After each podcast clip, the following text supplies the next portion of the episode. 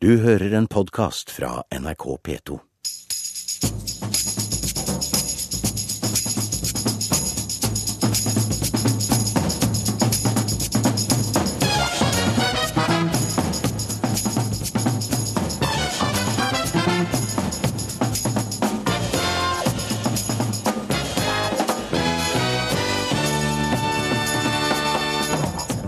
Det norske gisselet Kjartan Sekkingstad ble kjøpt fri fra fangenskap.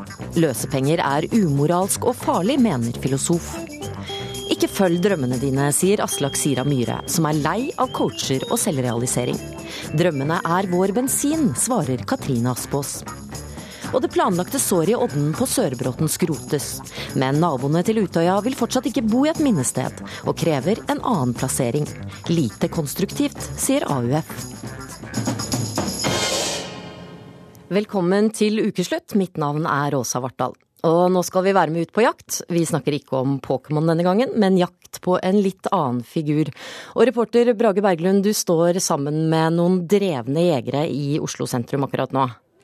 Det gjør jeg, for vi skal nemlig ikke på Pokémon-jakt i dag. Men i går så kom det verdensberømte popikonet Justin Bieber til Oslo og et fullstappet Telenor Arena. Og med meg her så har jeg noen av den mest ivrige og ihuga fansen. For når Justin Bieber er i byen, ja da er det også en stor jakt som settes i gang for å få et glimt av ham. Og en av dem som både var på konserten i går, og som også skal på konsert med han i dag, det er deg, Sara Fjeltveit. Og hvor er det størst sjanse for at vi finner Bieber nå, når vi skal ut og lete etter han?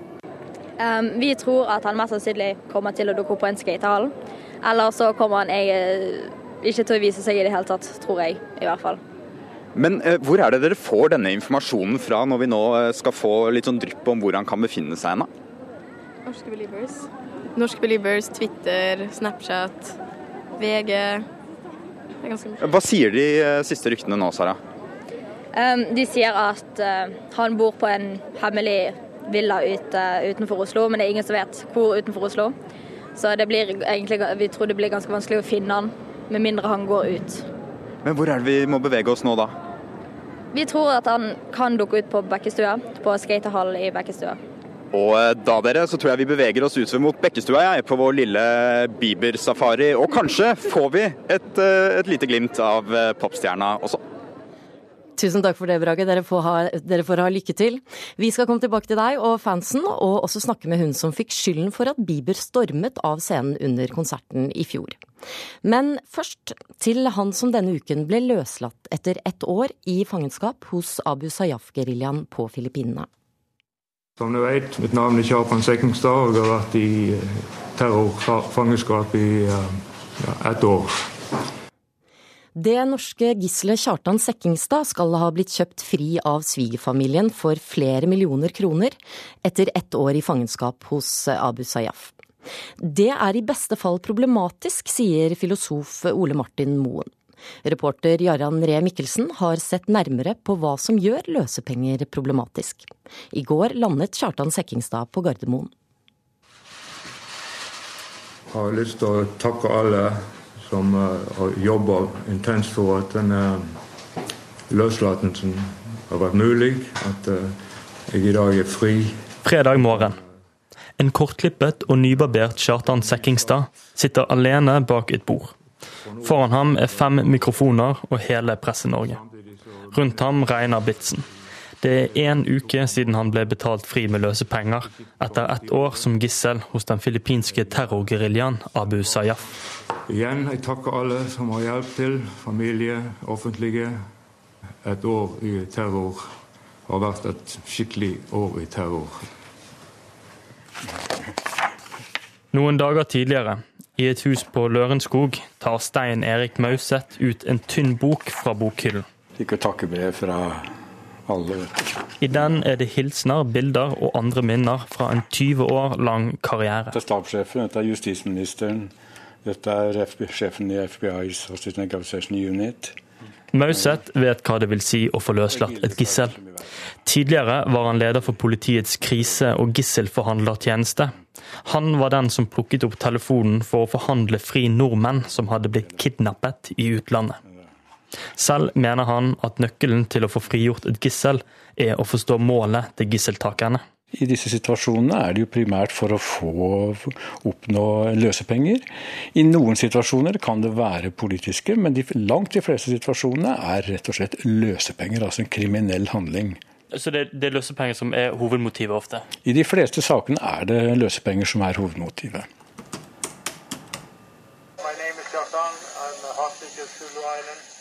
Mauseth studerer en av de mange videoene som Abu Sayyaf la ut på nettet.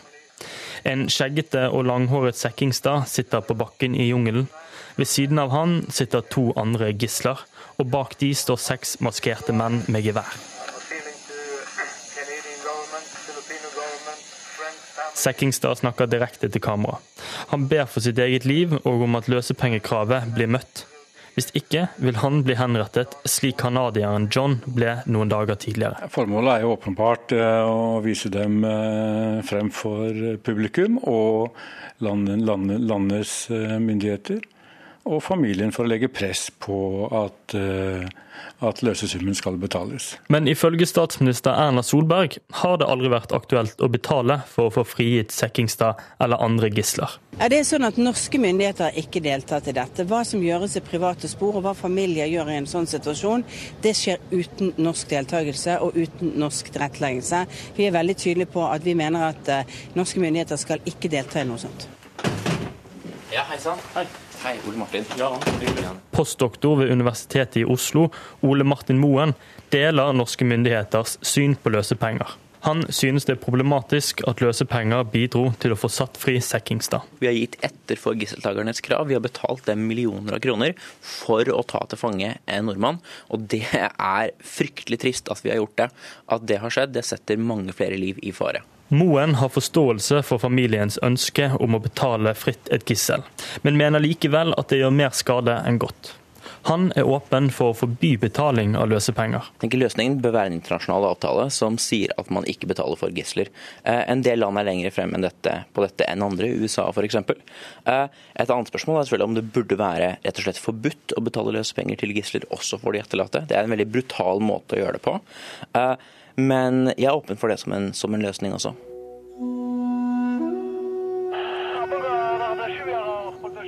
Slik starta filmen 'Behind the Mask of Taliban'. Den ble laget etter at journalisten Pål Refsdal ble kidnappet av Taliban i 2009. Da hadde han fulgt gruppen tett i flere uker.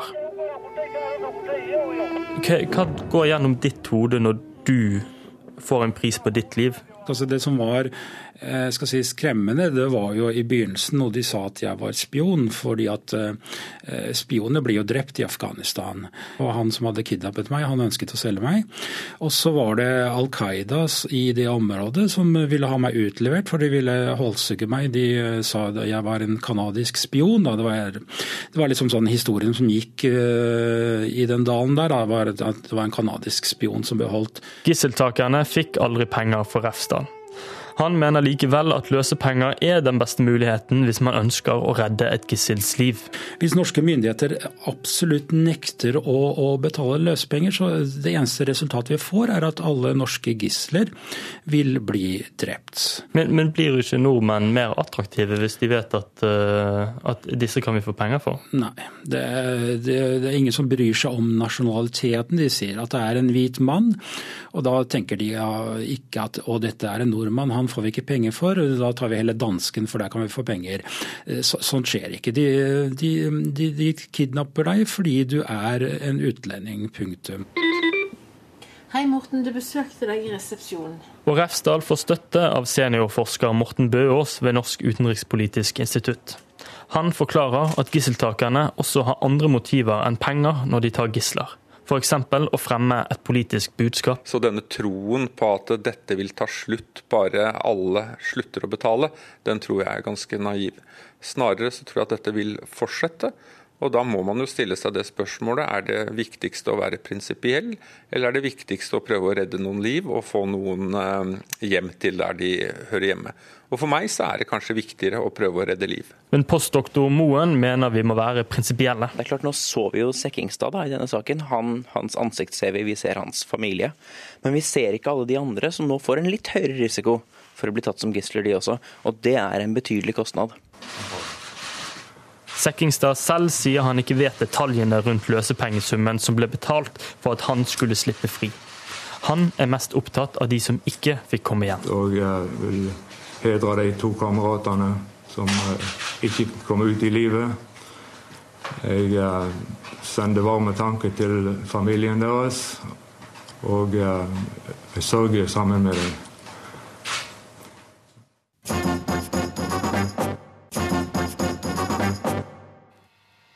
Hva er den drømmen vi bærer på? Ja, jeg har veldig lyst til å leve av å danse. At noe vidunderlig skal skje? Jeg drømmer om å bli danser, jeg òg. At det må skje? Det er jo viktig, for du må jo ha noe å gå etter, og ikke bare leve etter hva andre vil, men det du sjøl vil. At tid skal åpne seg? Tre på scene og At hjertet skal åpne seg? være med i forestillinger og At dører skal åpne seg? Jeg dømte bare for å ha et bra liv. At berget skal åpne seg? God karriere, hus, bil, familie. At kjelder skal springe? Det er bare fortsatt at man har helsa i behold. Det er det som er drømmen. At drømmen skal åpne seg? Da blir det veldig bra hvis jeg har fått det til til slutt. At vi ei morgenstund skal glia inn på en våg vi ikke har visst om.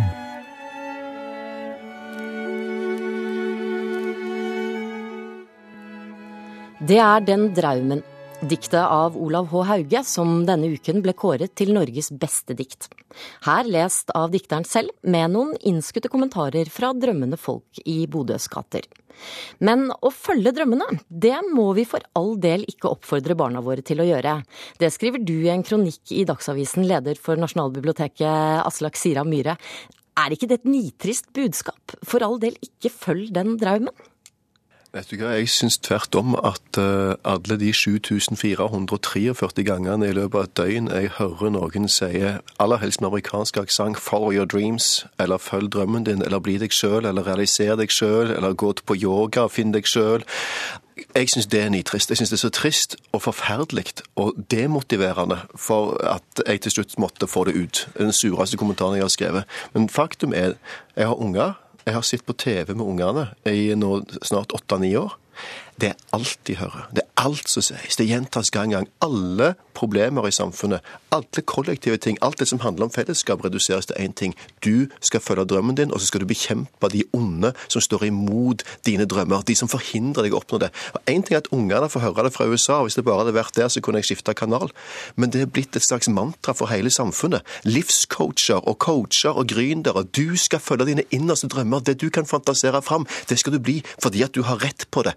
Problemet med dette er ikke at folk drømmer. Problemet er at hvis man tror at dette er et livskompass, så endte man enten opp som en djup egoistisk figur eller djupt skuffa. Katrine Aspaas, du er journalist og økonom. Da du leste det Sira Myhre hadde skrevet, så tenkte du hæ? Jeg tenkte hæ? Eh, Jeg gjorde det, og det er for all del, det er forfriskende politisk ukorrekt eh, det Sira Myhre jobber med og, og brøler om. Eh, Men han får ikke rett av den grunn. Fordi drømmer er jo ikke den ene store drømmen som jeg skal nå, men det er jo, det er jo drømmen om Det er store og små drømmer som vi har. Er jo, drømmene er jo bensinen i bevegelsene våre. Det er jo det som ligger under. Vi kan, vi kan drømme om forskjellige ting. Jeg kommer nettopp fra Stortinget. Der er det en gjeng som heter Skamløse arabiske jenter.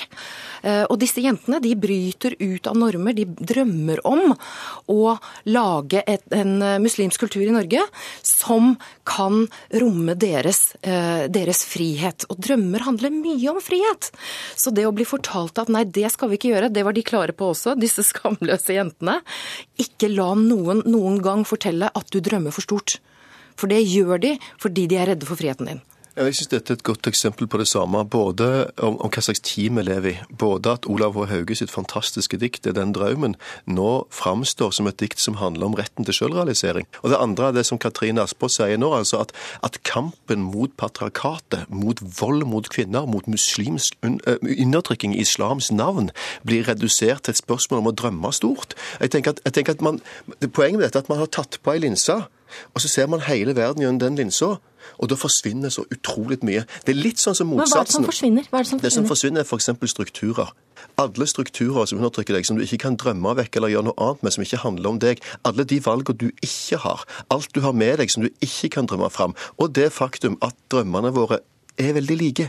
Veldig, veldig veldig mange drømmer om å stå på en scene. Veldig veldig mange drømmer om å bli rike. Veldig mange i Amerika drømmer om å bli president. Bare én kan bli president. Og veldig veldig, veldig få kan bli rike, og veldig veldig, veldig få vil ha hele verden sitt publikum. Så poenget er at det, det er Drømmen er et litt begrensa kompass, kan du si.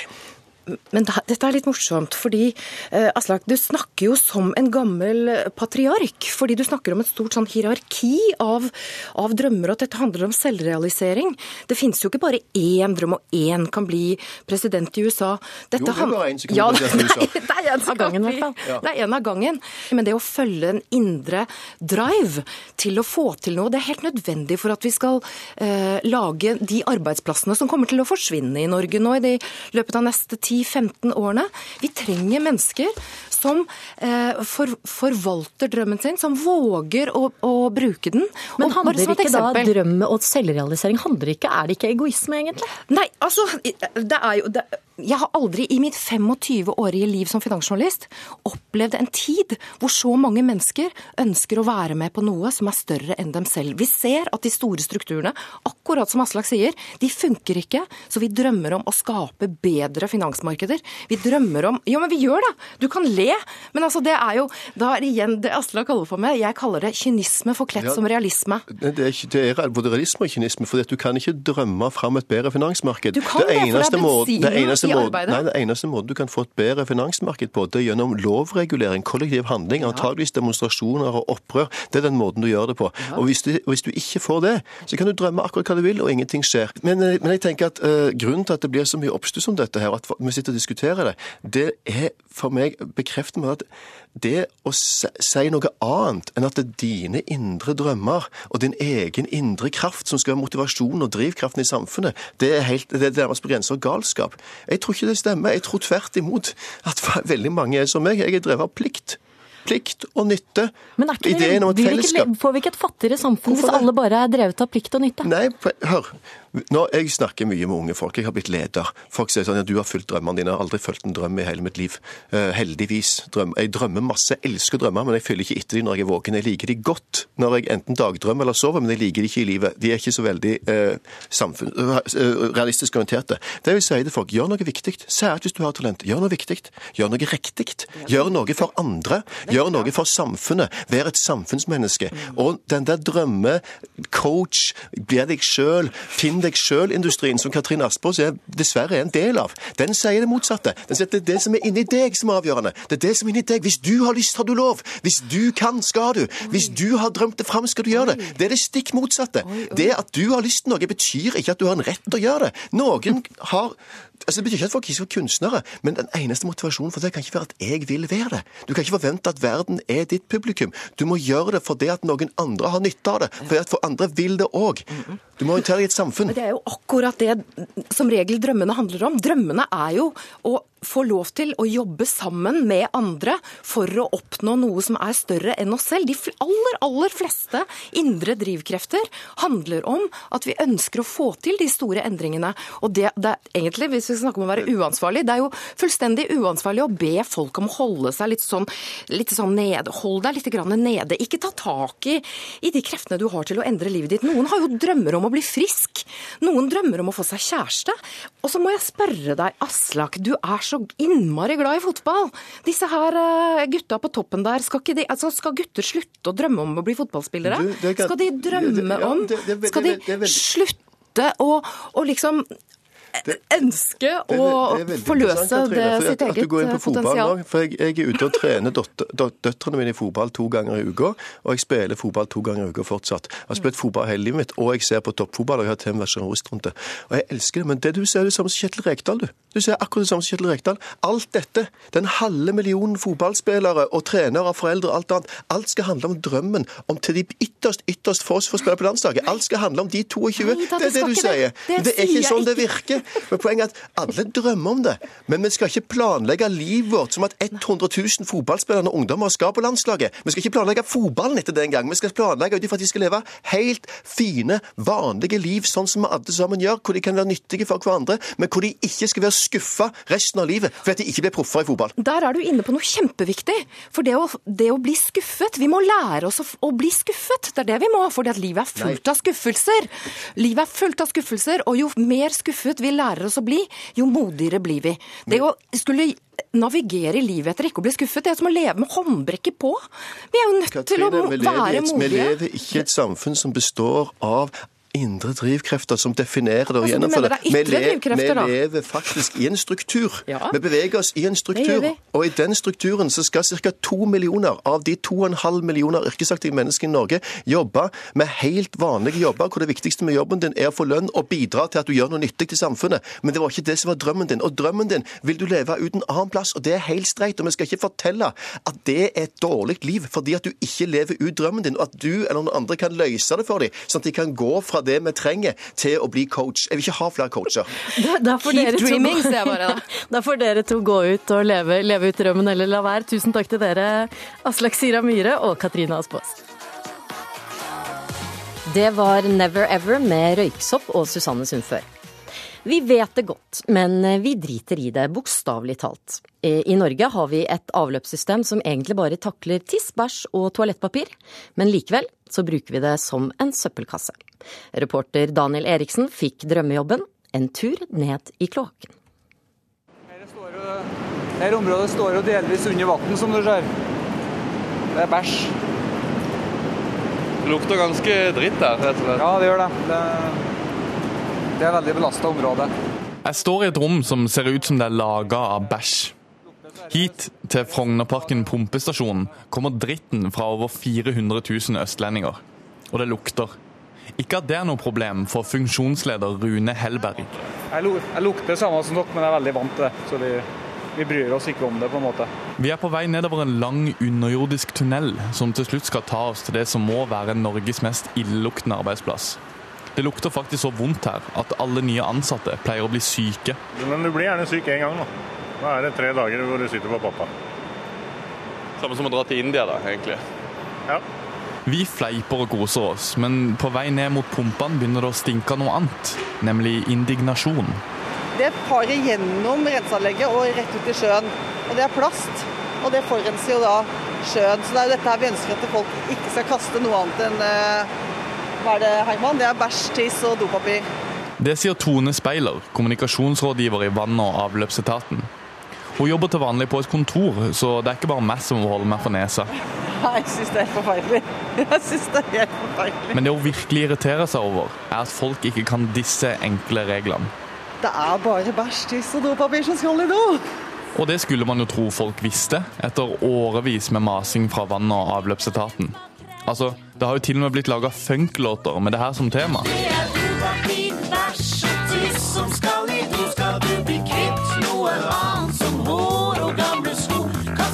Eh, Hva er det man har lov til å kaste i do? Kaste i do. Dopapir. Nei, er det så mye annet? Hva som er lov? Ja, det vet vi jo, ikke sant? Ja, Det er bare sånn eh, skal, nummer to igjen og, og, og, og, og papir. Eh, kun toalettpapir. Eh, ikke noe annet papir. Eh, ikke bind osv. Tror du folk synder mot det her? Ja. Har du synda mot det her? Å Å nei, aldri. Folk synder definitivt mot det. Eh, Det gjør ikke jeg.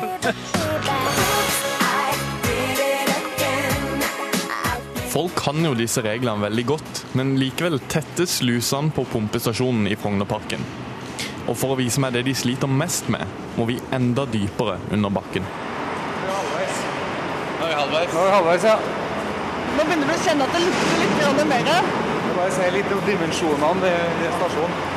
Vi står. Funksjonsleder Rune Hellberg har jobba her i 17 år, og forteller at det største problemet i dag omtrent ikke fantes da han begynte. Jeg vet ikke hvordan folk har blitt, men uh, våtserviettene var ikke her for 17 år siden. Ikke i den grad som det er nå, i hvert fall. Ja, nei, nei, uansett. Og dette har vi testa. Eh, og man kan teste det selv ved å ta ut en våtserviett og så prøve å dra den i stykker, og det er ganske vanskelig. Eh, Så det løses ikke opp i vann. Så vi eh, sier nei til alt annet enn bæsj, tiss og dopapir. Ja ja, vi kan reglene, Tone Speiler. Vi bryr oss bare ikke nok, tydeligvis. Men det må vi begynne med. Bare hør på hva hun tror skjer med Oslo hvis vann- og avløpssystemet bryter helt sammen. Det blir jo på en måte det samme som et jordskjelv, hvis du tenker eh, et annet sted i verden. Altså Har vi ikke vann og avløp i byen, så slutter byen å eksistere. Da, da kan vi jo ikke bo her. Så enkelt er det. Så beskjeden er fra vann- og avløpsstaten den siste gang at Det er bare bæsj, tiss og dopapir som skal i do. Ikke lov til å kaste matservietter i do. Hvorfor ikke? Fordi det kan tørke en doen. Og det kan gjøre sånn at rottene blir syke. Eh, tror den blir tett. Er det noen som syns rotter er ekle? Å ja. Ja, ja, ja, ja, ja.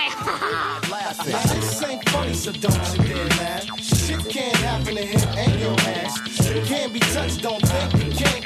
Cause niggas ain't fucking around no more, Kongen sa nei i 1940. Dag og Natts anmelder sier nei takk til filmen. Kjedelig om én hendelse som tross alt hadde begrenset virkning på krigen, sier hun.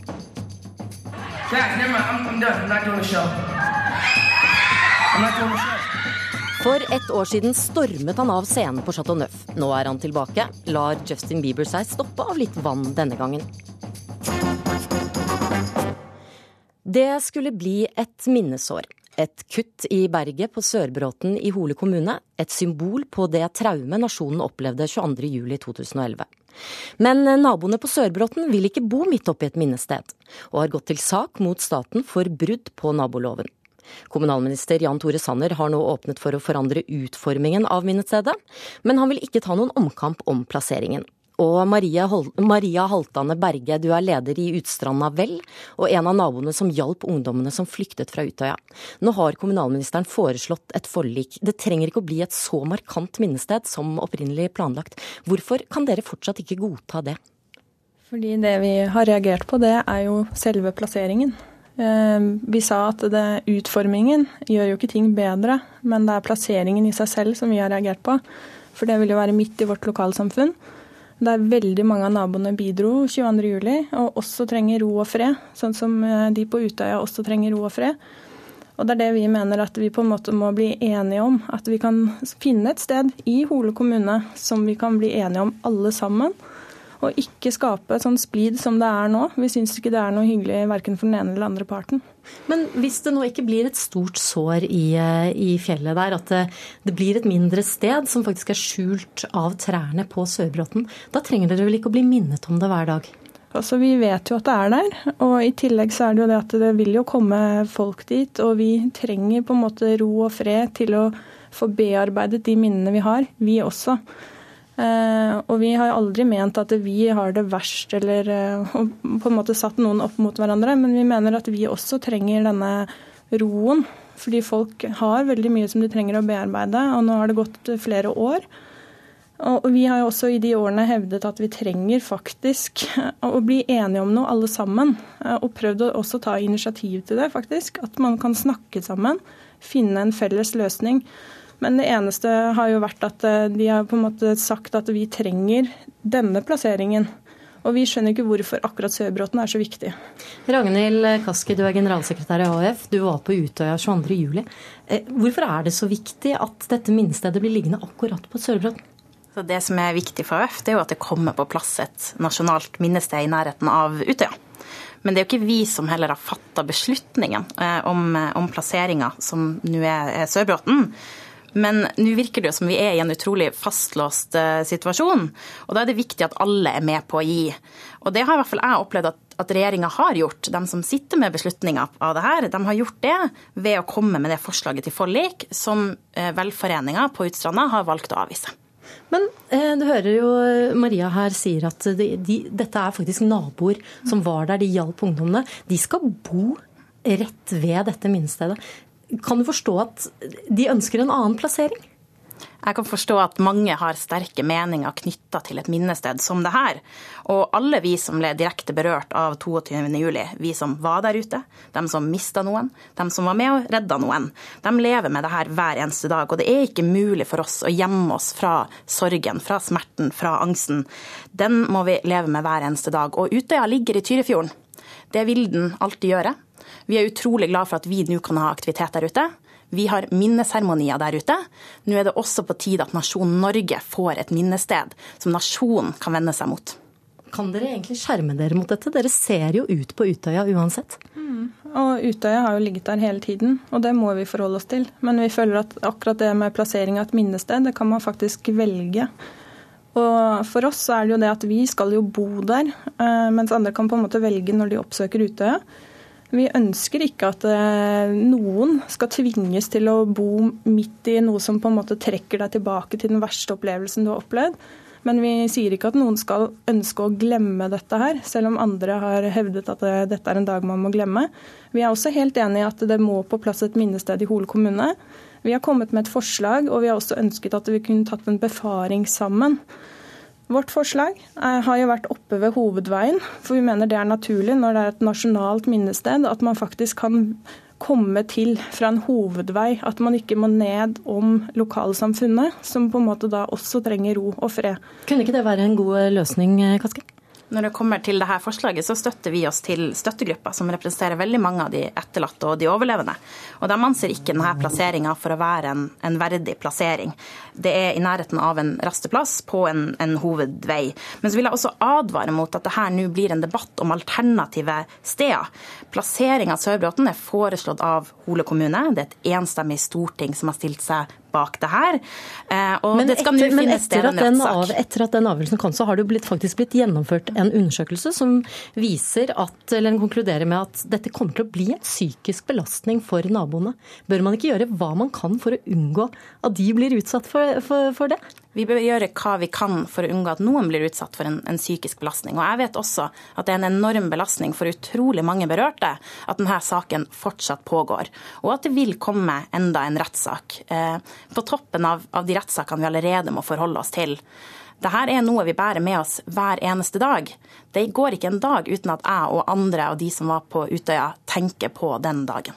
Forstår du at en rettssak eh, nå vil bli en ekstra belastning for, eh, for de berørte? Det forstår jeg veldig godt. Og sånn er det jo for oss også. Og I tillegg så er det veldig viktig å påpeke at Hole kommune faktisk sa nei både til utforming og plassering. Og vi syns det er veldig rart at uh, dette fortsatt blir brukt som argument. Vi trenger faktisk også ha en uh, befaring sammen. Om det ikke blir der vi foreslår, så er det helt greit for meg. Det er helt greit for alle naboene, men vi må faktisk snakke sammen og finne en god løsning for alle. Og I tillegg da, så må jeg bare si at det som blir nevnt som en rasteplass, det er planlagt allerede fra Statens vegvesen at ikke skal være en rasteplass nå i fremtiden. Eh, og Da vil man ha parkeringsmuligheter der, og man kan sette opp en støyskjerm hvis det er sånn at noen mener at det vil bli støy. Eh, og Det vi har foreslått er en stille lysning i skogen. Det er ikke snakk om å ha noe oppe på selve hovedveien, sånn som det høres ut. Dette er et, et, nasjonalt traume. Det er ikke riktig at vi som enkeltpersoner sitter og diskuterer og skal ta stilling til forslag på plassering. Vi kan ikke alle sitte og komme med nye forslag. Det har vært en, en lang prosess på det her. Så kan man godt være uenig om Sørbråten. Men dette er jo og, faktisk naboer som skal bo der. De skal være der ja. hele tiden. Ja, og det jeg har full forståelse for, at man tar til orde, at man bruker den retten. Det samme gjør jeg. Og det samme gjør veldig mange andre av de berørte, som sier at nå er det på tide å få på plass et nasjonalt minnested. Og jeg skulle ønske at Utstranda vel hadde sagt ja til det forliket, eh, forliksforslaget som kom fra regjeringa. Du etterlyser mer modenhet fra dem. Hva mener du med det? Jeg tror ikke jeg har etterlyst mer modenhet, men, men, det å være villig til å strekke seg når man står i det som oppleves som en veldig fastlåst situasjon. Det har også vært vanskelig for mange å, å sitte og se på at man nå går bort fra memory wound, som også har vært en, en sterk betydning for mange at det som skulle komme på plass. Og i en sak som det her, så er vi, er vi nødt til at alle kan være med og gi og ta. Ja, Vi stusser jo over det, da, for det eneste vi har sagt er at vi ikke orker akkurat den eh, lokasjonen. Og da er det jo det som må forhandles om. Og Det er det vi må møtes om og diskutere. Og Vi skulle veldig gjerne sluppet denne rettssaken, og vi har jo sagt dette her i flere år. Og det er aldri for seint å ha eh, en ny befaring og komme frem til enighet. Og da kan man faktisk få på plass det minnestedet uten at det blir mer splid, sånn som det er nå. Hvis dere taper denne rettssaken og det kommer et minnested eh, på Sørbråten, hvor, hvordan vil du oppleve det? Det er veldig mange som har uttalt at de må flytte, fordi at de sliter på alle mulige måter med å forholde seg til om det kommer. Fordi det er folk som føler at dette blir jo påført oss, i stedet for at man på en måte får aksept for at man er en berørt part og sliter veldig med de opplevelsene man hadde 22.07. Og I tillegg så er det jo det at man blir jo referert til som om man er noen vanskelige naboer, i stedet for at man refererer til at det er parter som trenger hjelp på alle mulige plan. Og det gjelder jo alle. Og Dermed så syns jeg at vi burde stå sammen, i stedet for på en måte å sitte og diskutere noe som er helt håpløst. For vi er veldig kraftig imot den eh, lokasjonen, og det har vi sagt hele tiden. Og det er det vi har ønsket oss å bli imøtekommet på. Dette burde være aksept for, fordi styringsgruppen eh, etter 22.07 de la jo vekt på at eh, AUF skulle få ro til å komme seg videre. Og det er det vi trenger nå. Vi trenger også ro til å komme oss videre. Kaski, helt kort til slutt. Dere har vært veldig opptatt av å ta Utøya tilbake. Skjønner du at naboene ønsker å ta nabolaget sitt tilbake? Jeg synes det blir, For meg blir det en litt merkelig sammenligning med den jobben som vi har gjort ute på Utøya, som var åstedet for det største og eneste terrorangrepet i Norge etter krigen. Og Det Norge som nasjon nå trenger, det er et nasjonalt minnested. Det er ikke et minnested for meg som berørt. Vi har et privat minnested på Utøya. Nasjonen Norge ble også ramma, på samme måte som jeg ble ramma som enkeltmenneske. AUF ble ramma som organisasjon. Nå er det på tide å finne en løsning, sånn at vi kan få et nasjonalt minnested i Hole kommune på plass. Og det må ligge på Sørbråten? Det viktigste for oss er at vi får på plass et nasjonalt minnested, og at vi unngår en rettssak. Nå er det Sørbråten som ligger på bordet, som et enstemmig storting har gått for. Da er det det vi forholder oss til. Tusen takk til dere, Maria Holtane Berge og Ragnhild Kaski. Og vi skal snart tilbake til Bieber-fansen, men eh, først en liten påminnelse om hva som skjedde i fjor. Hey, I'm trying to wipe the floor. Give me a second, yo. Guys, never mind. I'm, I'm done. I'm not doing the show. I'm not doing the. Konserten på Chateau Neuf i Oslo i fjor endte altså med at en rasende Bieber stormet av scenen etter noe tull med en vannflaske. Og reporter eh, Brage Berglund, du er fortsatt på jakt eh, sammen med beliberne. Og så vidt jeg har skjønt, så slo ikke tipset om Bekkestua til. Eh, hvor er dere nå? Nå er vi altså ute på Bygdøy, etter at det har kommet inn flere tips i sosiale medier om at Bieber skal være observert her i området. Og, og jeg står her sammen med Bieber-jegerne våre. og uh, Hva er det som kan bringe Bieber ut hit? Um, han er veldig glad i å gå på tur på morgenene. Og så er det rykter om at han har med seg hunden sin, Ester. Så det virker jo logisk at han må jo ut med, på tur med hunden. Hva slags tegn er det vi ser etter nå da, når vi skal innover her og se etter ham? Eh, vakter, kanskje, men det, altså, han pleier å like å gå litt alene også. Men eh, vakter, litt store biler, politifolk. Ja, litt forskjellig egentlig. Og så er jeg også Bygdøy utenfor Oslo, ikke sant. Og de sa at eh, han skulle bo utenfor Oslo. Så Og villa her. Så jeg vet ikke, jeg. Men mens vi går bortover nå, så, så, har vi jo, mens vi har vært ute og jaktet i dag, så har vi pratet litt om det som skjedde på Chateau Neuf etter at en fan eh, kom til skade for å ska, eh, søle litt vann på scenen, og eh, Bieber stormet da av scenen etter det. Hva tenker dere om den oppførselen han viste da? Nei, Jeg var jo der, så jeg så det hele med mine egne øyne. Og han var sliten. Han var sliten når han gikk på scenen, og han var sliten under den første sangen. Så det som skjedde den kvelden, på en måte det var, på, det var ikke Anne sin feil, og det var ikke noen sin feil. Det var bare det at når du er så kjent og du har så mye å gjøre, så av og til blir det for mye. Sånn så det blir for oss også. Og jeg så ansiktsuttrykket hans når han gikk av den scenen, og han var sliten. Det var bare det. Han var bare rett og slett sliten. Men det har jo vært et voldsomt både medieoppstyr og eh, press og påtrykk og pågang fra fansen rundt eh, Justin Bieber. Mange anmeldere har vært lunkne og sagt at han virker sliten og bør ta seg en ferie. Er dere enig i det? Um, ja, men altså, vi får også et inntrykk av at han liker å være ute på turné. Altså, konserten i går, Han smilte og han var glad. Vi så det på han, vi som sto nærmest. Eh, men man kunne også se at han var sliten. Men altså, det er menneskelig å være sliten og ha litt tunge dager. og ja. Men, eh, men nå er jo eh, vi ute og jakter på han. Eh, Tror dere at det presset og, det jaget kan gjøre at han går lei dere?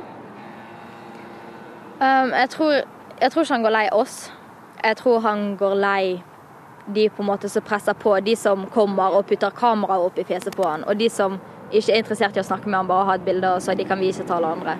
Og nå skal vi altså innover her og se, og hva gjør dere hvis dere møter han nå? Jeg kommer bare til å gå rolig bort og spørre om det går fint, si hei. Sånne ting som du gjør til et vanlig menneske. Da, Legg bort telefonen. da får vi bare ønske lykke til videre med Bieberjakta. Det høres ut som de har eh, strategien eh, klar, eh, men i fjor så var altså skuffelsen enorm etter at Bieber avbrøt konserten. Selv om vi hører at fansen har tilgitt ham. Og vi har snakket med hun som lenge fikk skylden for at det skjedde, 19 år gamle Anne Wadder, som nå er utvekslingselev i California. Hei, Anne! Hei! Du, hva var det egentlig som skjedde den dagen for, for snart et år siden? Eh, jo, Justin hadde jo konsert, da. Og så uh, sang han en sang, og uh, forsvant, holdt jeg på å si. Nei, han sang en sang, og så kasta han en vannflaske ut til publikum. Og da sølte det selvfølgelig litt vann på scenen, og når han skulle tørke av vannet, så begynte folk å dra i skjorta hans, og han ble sur, og så gikk han. Men det var, det var mange som ga deg skylden for dette her. Var det din skyld? Nei, det var egentlig ikke min skyld, men det gikk noe sånn. Det ble skyldt for meg.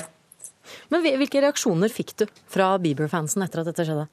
Åh, det var så mye rart. Jeg fikk alt ifra drapstrusler til lange meldinger om det gikk bra med meg, og det var Jeg fikk så mye rart. Men hva gjorde det med deg? Ikke så mye, for jeg brydde meg egentlig aldri. Eh, nei, jeg brydde meg egentlig aldri så mye. Det var jo det var ikke akkurat så gøy, da, men jeg brydde meg aldri så veldig mye. Tok han noen gang kontakt med deg etter det som skjedde? Nei, jeg hadde alltid et lite håp, men det skjedde aldri. Men for de som skal, i, som skal på konserten i kveld, har du, har du noen tips til, til dem? Og kanskje særlig til de som skal da stå rett foran scenen? Nei, altså Det eneste tipset jeg har, er at de må ha det kjempegøy og kose seg masse, for jeg tror det blir skikkelig bra konsert. Og kanskje være litt forsiktig hvis det, Justin drar frem en vannflaske?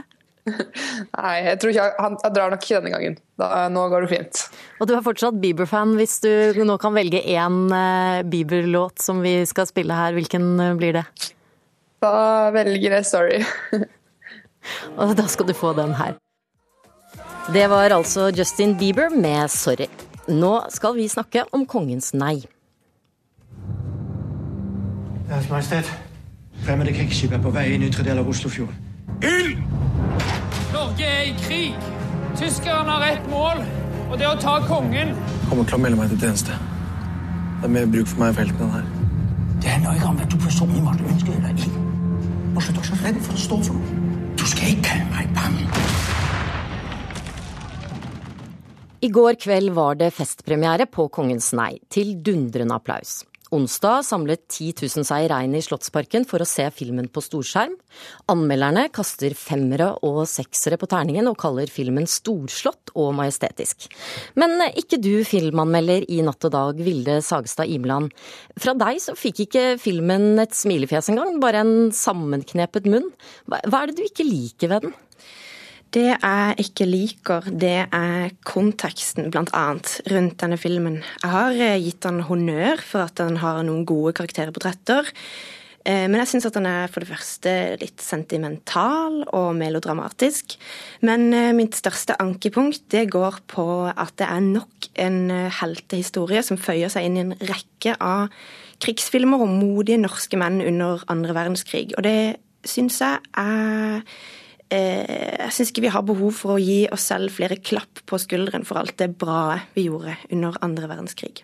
Men det er jo ikke hvilken som helst episode. Vi snakker om Kongens nei her, som har en veldig sentral plass i, i norsk identitet. Ja, eh, men en veldig sentral plass i norsk identitet burde også de mørkere sidene av andre verdenskrig ha. Og det, Da tenker jeg på sånne ting som jødeforakten i forkant av og under andre verdenskrig. Jeg tenker på det at politiet bidro til å deportere jøder i 1952, i 1942.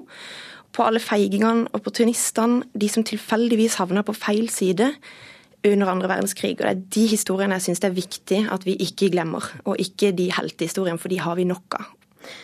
Kent Einar Myreng, du er journalist og filmanmelder i avisen i Tromsø. Du har gitt filmen terningkast seks, full pott. Du mener det er en majestetisk god filmopplevelse. Hvorfor, hvorfor er du så begeistret? Det er rett og slett fordi er, de har to internasjonale stjerner som løfter filmen eh, til eh, ja, internasjonalt nivå. Og det er jo ikke tilfeldig at, eh, at den er Norges Oscar-kandidat uh, fra, fra, Norge. Uh, Erik Poppe han er utvilsomt og udiskutabelt en av Norges beste regissører gjennom tidene. Det har han visst gjennom Hawaii, Oslo og De usynlige. og nå tar han på seg en oppgave han har ikke gjort før. Det er basert på krigshistorie. Og likevel så får han, får han filmen til internasjonalt nivå. Så det var ikke vanskelig å sette en sekser på terningen her. Du ga altså en sekser. Hva tenkte du da du leste anmeldelsen til Imeland? Eh, overskriften er 'Det eneste modige ved kongens nei er at hovedrollen snakker dansk'. ja, selvfølgelig må Vilde få lov å stå for det. Det, det er all honnør til det. Eh, nå vet jeg ikke helt hvordan smileskalaen til natt og dag er, om det står for en toer eller en treer eller, eh, eller det, men eh, Kan du oppklare det, Imeland? Det står for en treer. En treer, ja. det, det, det, er en ærlig karakter, det. Og det, heldigvis så er jo filmanmeldelser subjektivt, så, så, du må få lov å stå for det.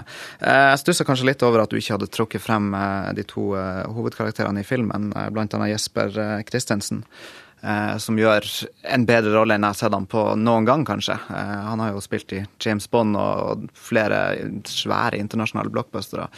Og, og klarer jo å løfte de norske, norske skuespillerne til, til et internasjonalt nivå. Ja, Imland, du trekker eh, egentlig bare frem Båsmo Christiansen, som du mener gjør en dårlig jobb som kong Olav? Ja, jeg tror jeg har nevnt eh, Jesper Christensen som eh, at han blir forstyrret av sin motspiller Båsmo Christiansen. Sitt litt sånn stressende replikkveksling.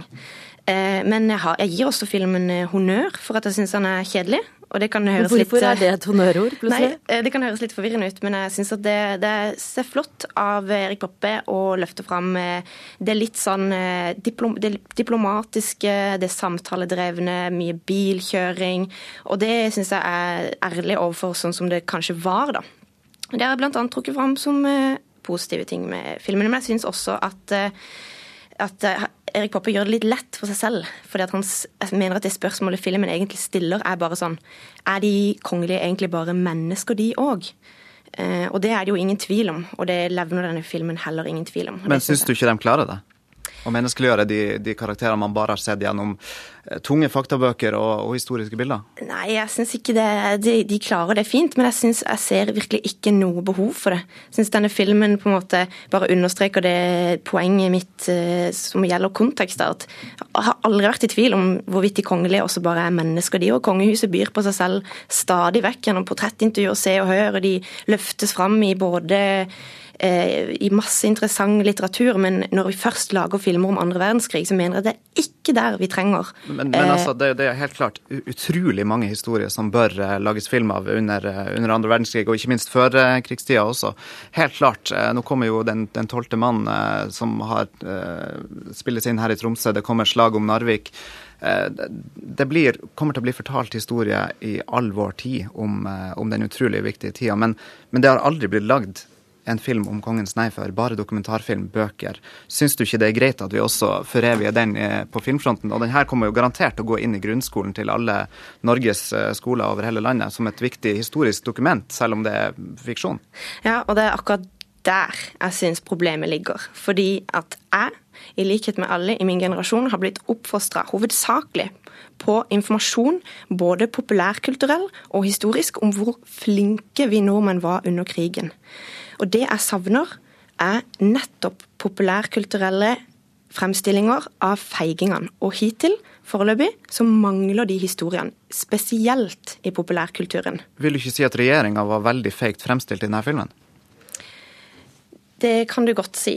Eh, det kan jeg være enig i. Det var et flott, eh, det var et flott portrett av regjeringa, men hovedpoenget i denne historien var kongefamilien. Det var de det var lagt vekt på, det var de det handlet om. Hadde det handlet om regjeringa, så hadde det kanskje vært en annen sak. Men det gjorde det altså ikke. Det handlet om kongen og kongens nei og kongefamilien.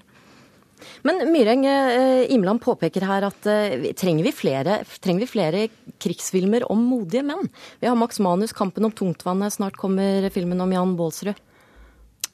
Ja, absolutt. Det, altså, krigshistorie er veldig viktig, og det, det ser man jo. Altså, de, de, eldre elsker jo monarkiet. Det sto, utrolig sterkt. Eh, mye pga. kongens nei der.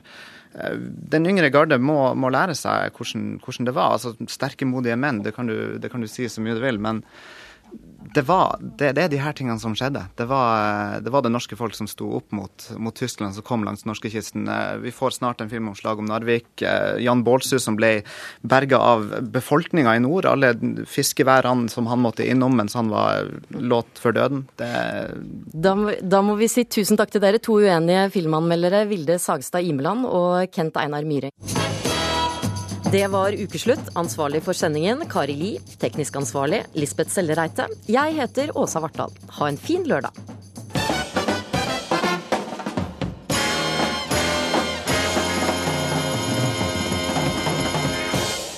Du har hørt en podkast fra NRK P2.